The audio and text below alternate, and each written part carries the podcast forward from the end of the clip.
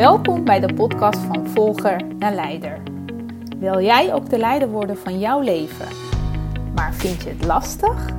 Dan ben je hier precies op de juiste plek. Mijn naam is Armine en ik heb weer een waardevolle aflevering voor je gemaakt.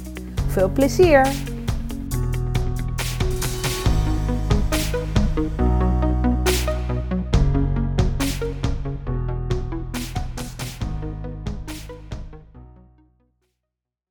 Luistert naar de podcast van Volger naar Leider en dit is aflevering nummer 6.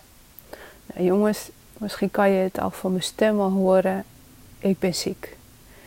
Ik lig al een paar dagen op bed. Het begon met een keelpijn. Ik dacht, het waait wel weg. Want dat heb ik wel eens. Dat het alleen een keelpijn is. En dan denk oh, nou, volgende dag is het weer verdwenen. Fijn. Maar helaas, deze keer is gewoon tante Corrie langsgekomen. Nou, dat uh, belooft wat. Tenminste, ik heb eerder ook wel corona gehad, maar het was toen niet zo heftig als nu. Nu lig ik al vier dagen op bed en ik kan niet zo heel veel. Dus ik zit deze aflevering maar op bed op te nemen. Dat is makkelijk van podcasten, dat je het eigenlijk overal kan opnemen. Ik praat misschien wat trager. Ik merk dat ik zelf sowieso ook wat trager ben deze dagen. Want kinderen zeiden ook, mam, wat loop je traag? Want dat, het kost me echt zoveel moeite allemaal. Mijn hele lichaam doet gewoon pijn. Dus ze zeiden, wat loop je traag? Anders schroef je zo door het hele huis heen. Wuus, wuus, en nu... Dit herkennen wij niet. Maar goed, dat komt gewoon omdat ik echt heel erg goed ziek ben. Helaas. Soms heb je deze dingen, horen ook bij het leven. Hè? Ziek zijn, even pas op de plaats. Dat heb je gewoon. Ondanks dat ik dus heel veel moeite had met, oké, en nu, hoe ga ik dan doen met het werk, met alle afspraken, heb ik toch maar even toegegeven dat het niet anders is dan even toegeven inderdaad dat je ziek bent. Want meer kan je niet doen. Als je ziek bent, ben je ziek. Daar had ik vroeger heel veel last van. Ik moet zeggen dat ik steeds meer en beter kan accepteren. En dat heeft natuurlijk ook te maken met mijn groei. Met uh, persoonlijke ontwikkeling, wat ik ook nog steeds zelf aan het doormaken ben. Wat ik vervolgens ook naar jou kan doorgeven.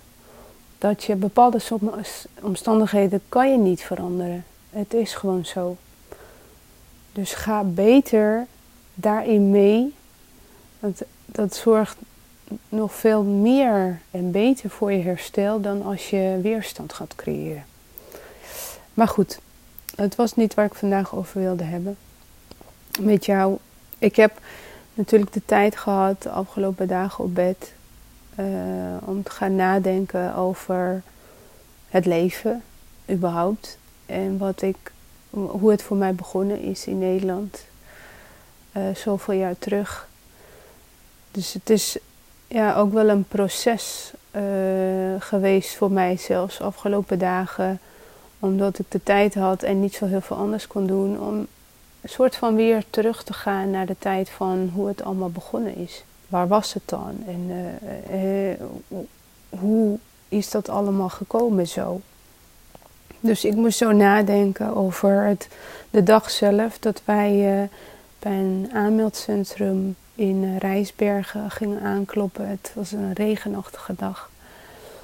Uh, wij met z'n vijven, ik heb nog een broer en een zus en mijn ouders liepen daar naartoe. En nou, onze namen werden genoteerd, documenten ingenomen. We mochten daar binnen. Na een paar dagen, ik kan me vaag herinneren wat er uh, gebeurde. Um, na een paar dagen mochten wij weer ergens anders heen met een bus. En dat was in een uh, hele grote tent in Mil, ergens in het zuiden van Nederland, uh, waar we beland. Nou ja, de, situatie daar was zo daar dat je, je kwam daar binnen, je had een eigen slaapkamer. Ehm, maar het was allemaal van tent, dus je had niet echt een muur of zo. Uh, nou, het plafond was dus één grote uh, tent plafond.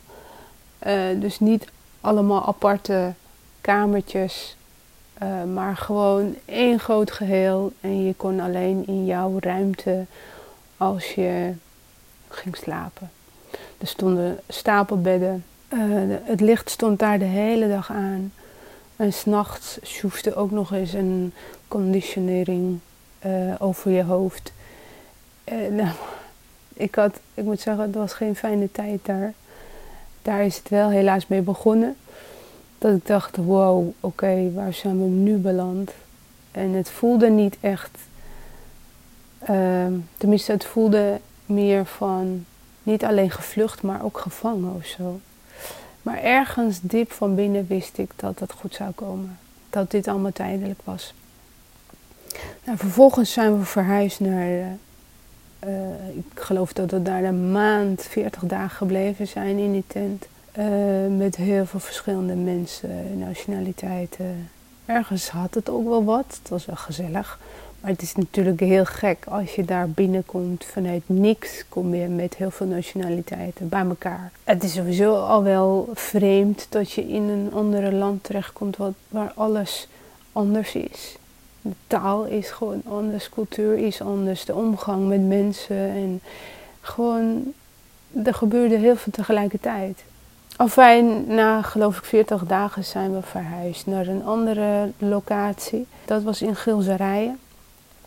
Ja, dat, dat was geen tent, maar een echte, eh, echt een huisje. Tenminste, het was een groot gebouw waarin, ik geloof, tot eh, vier families konden daarin in het huis. Een badkamer en een, een uh, toilet, dat was wel gemengd. We hadden maar één grote kamer en dat hadden wij verdeeld samen met mijn ouders. Aan één kant slippen wij met z'n drieën, drie kinderen. Ik dus met mijn broer en zus. En aan de andere kant uh, slippen mijn ouders. Uh, we hadden ijzeren kasten.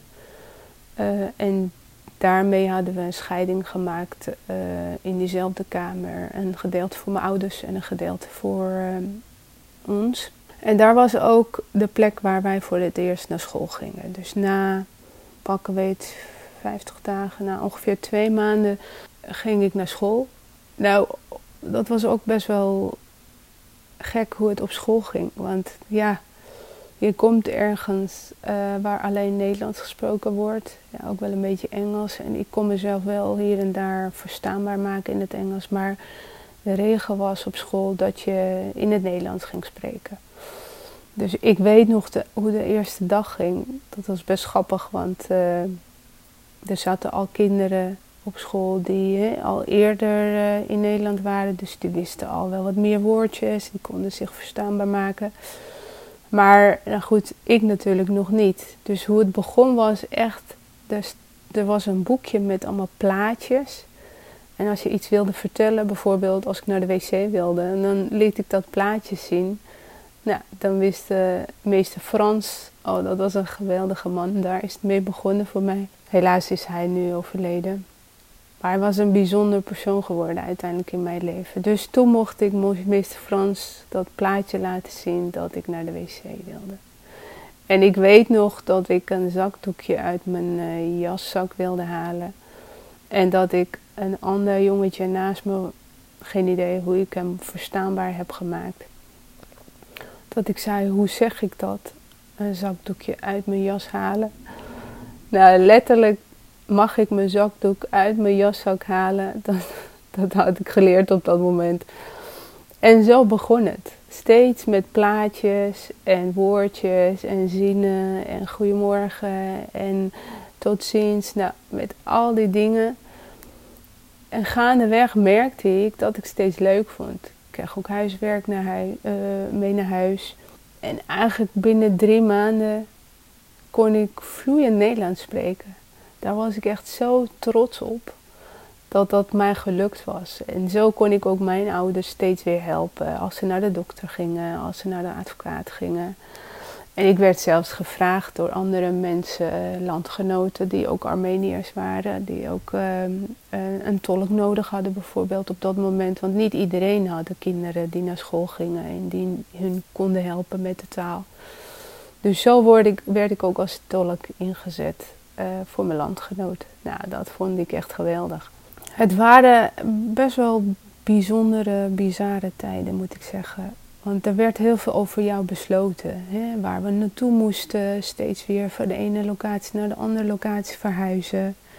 Maar ook daardoor, dus de band die je op dat moment gebouwd had met bepaalde mensen of vrienden, dat was ook maar tijdelijk en kort. Dat maakte mij ook best wel onzeker van oké, maar waar gaat dit heen?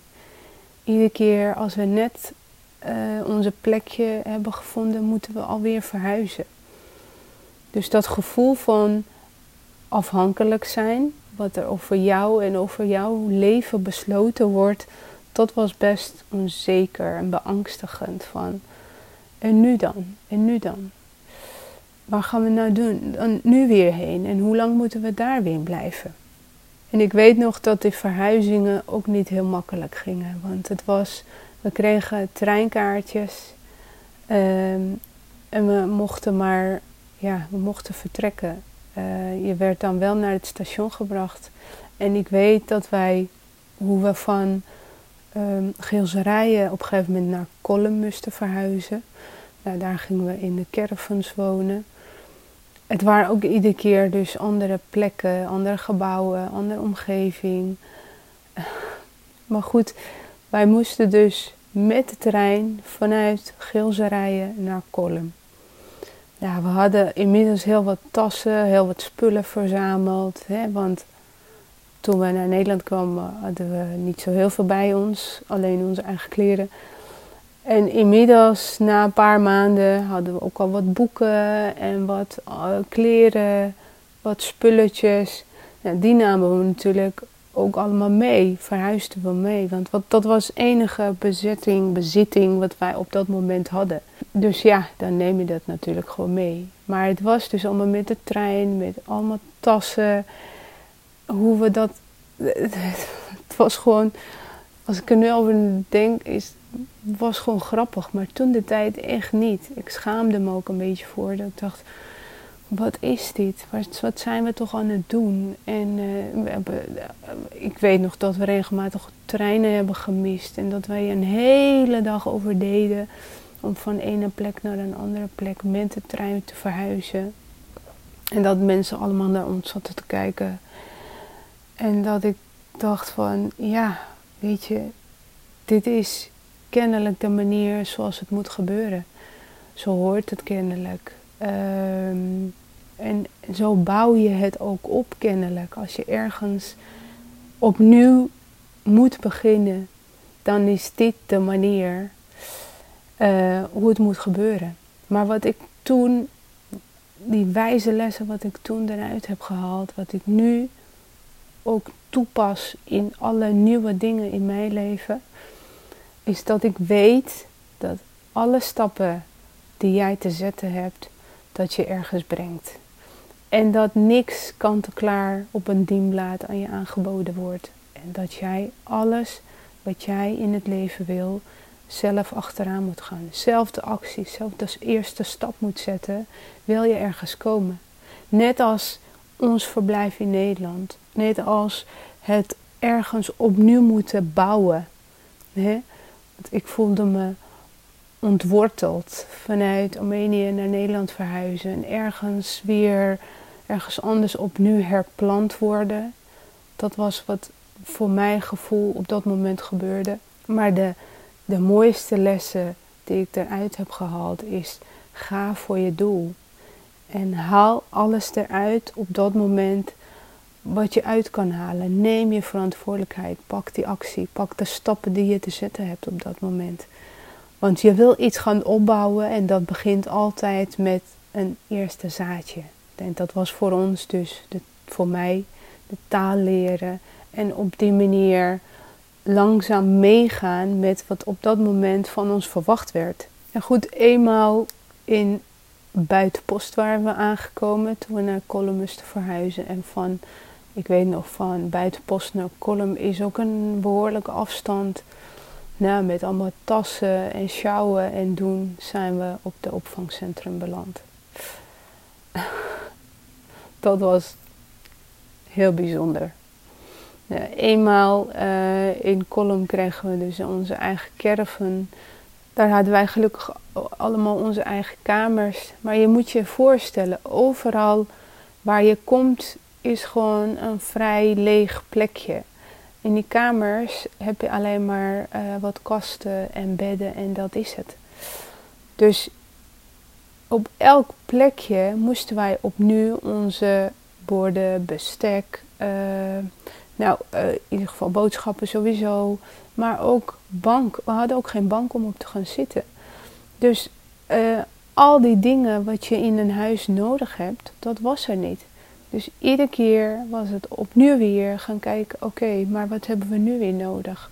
Wat hebben we nog meegenomen van vorige plekken? Oké, maar wat, wat, hebben we verder? Hoe kunnen wij ons leven hier weer fijn maken op dit nieuwe plekje? Dus iedere keer was het in de buurt gaan kijken, ging mijn vader in de buurt kijken of er een tweede kringloopwinkel was, een tweedehandswinkel. En daar gingen wij onze spullen kopen. We kregen ook per uh, week en op een gegeven moment per maand kregen wij ook geld per persoon. Het was niet heel veel, maar we waren dus gewend om uh, heel zuinig met ons geld om te gaan. Dus we kochten enkel de spullen die we op dat moment nodig hadden. En we hielden natuurlijk ook wat geld achter, want we wisten nog niet waar we, wat ons te wachten stond. Het was heel onzeker. We hadden nog geen verblijfsgunning. Uh, het was continu zaten we in een onzekerheid van oké, en wat nu dan? Wat voor antwoord krijgen we nu weer? En toen mochten mijn ouders opnieuw weer voor een gesprek komen bij de advocaat of bij de IND. Het waren best wel onzekere tijden voor onszelf. Op een gegeven moment uh, ging ik uh, in Kolm naar school samen met mijn broer en uh, mijn zus. Dat was Pieter Jelles College, geloof ik dat het heette. Nou, daar had ik een geweldige meester, meester Adema. Nou, wat was een grappige gast was die. Maar het was een hele leuke meester die ons uh, nou, op een hele fijne manier verwelkomde. En ook daarin weer had ik best een leuke plekje gevonden en goede vrienden. Dus dat ging allemaal wel weer goed. Het is ook wel grappig dat als je jong bent, kan je ook best wel aanpassen aan de omgeving, aan nieuwe mensen.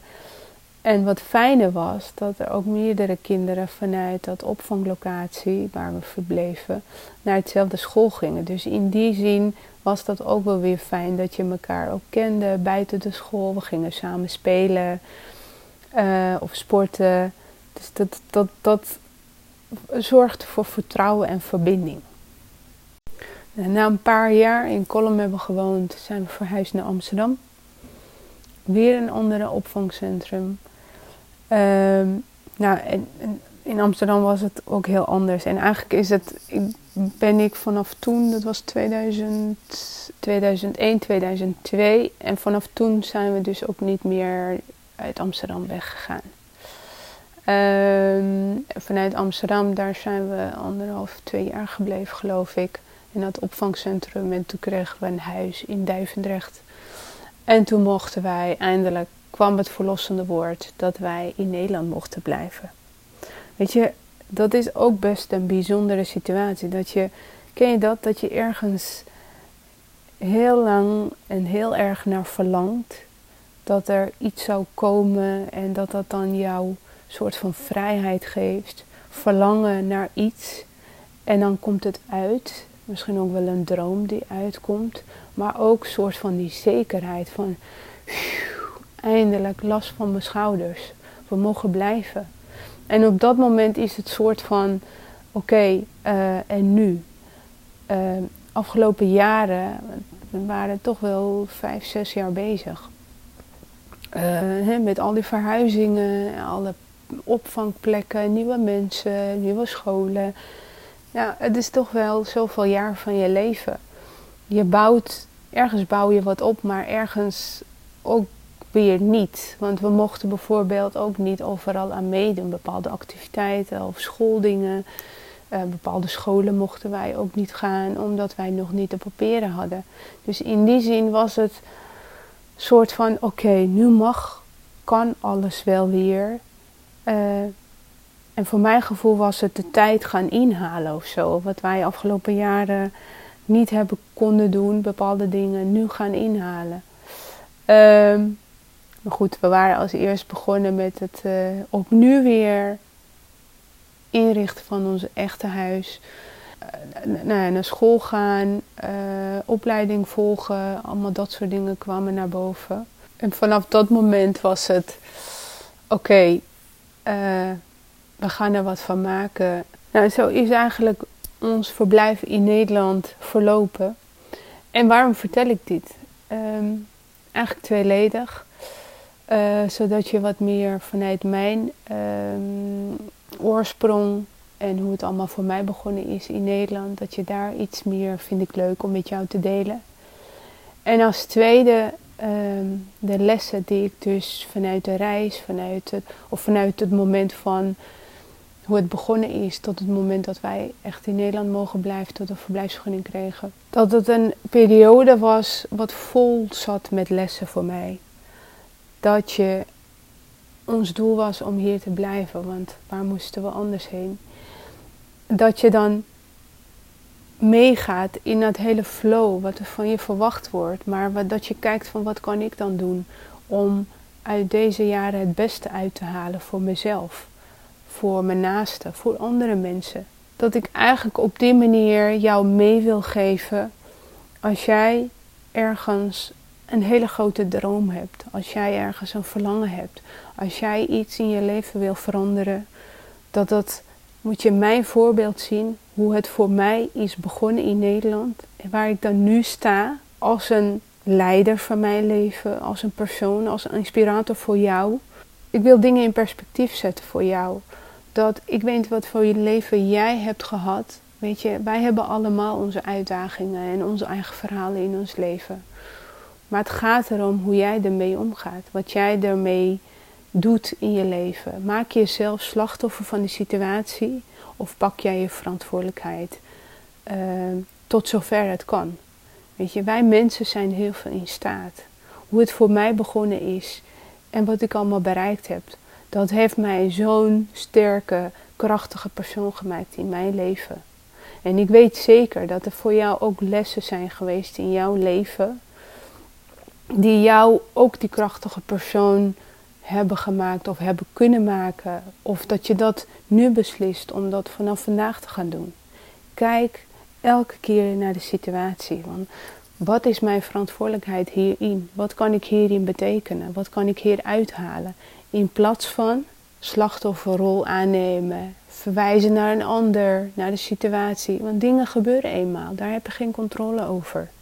Maar je kan altijd kijken, wat kan ik hieruit halen voor mezelf? Of wat kan ik betekenen in de situatie wat er nu gaande is?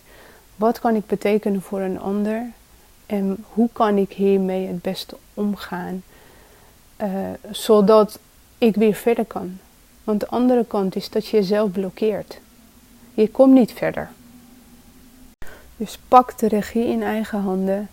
Pak de touwtjes in eigen handen.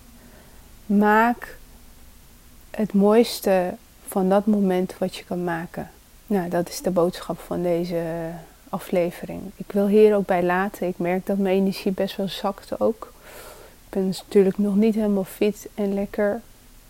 Dit is voor vandaag. Ik hoop dat je de wijze lessen uit hebt kunnen halen voor jezelf. En dat je ook bereid bent om te kijken naar jouzelf, naar je eigen situatie. Van waar zit ik dan nu?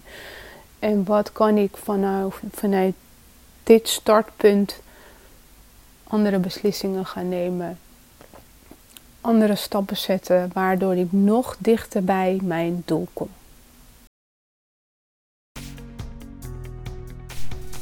Wat super leuk dat je geluisterd hebt. Vond je deze aflevering waardevol? Geef me dan een review en abonneer je op de podcast. Zo krijg je automatisch een melding als ik weer een nieuwe aflevering voor je klaar heb gezet. En is de podcast beter vindbaar. Waardoor ik meer mensen kan inspireren en motiveren om de leider te worden van hun eigen leven. Wil jij meer inspiratie? Volg me dan op de bekende social media kanalen en download mijn gratis e-book via mijn website www.greenpetcoaching.nl Super dankjewel alvast en tot de volgende keer!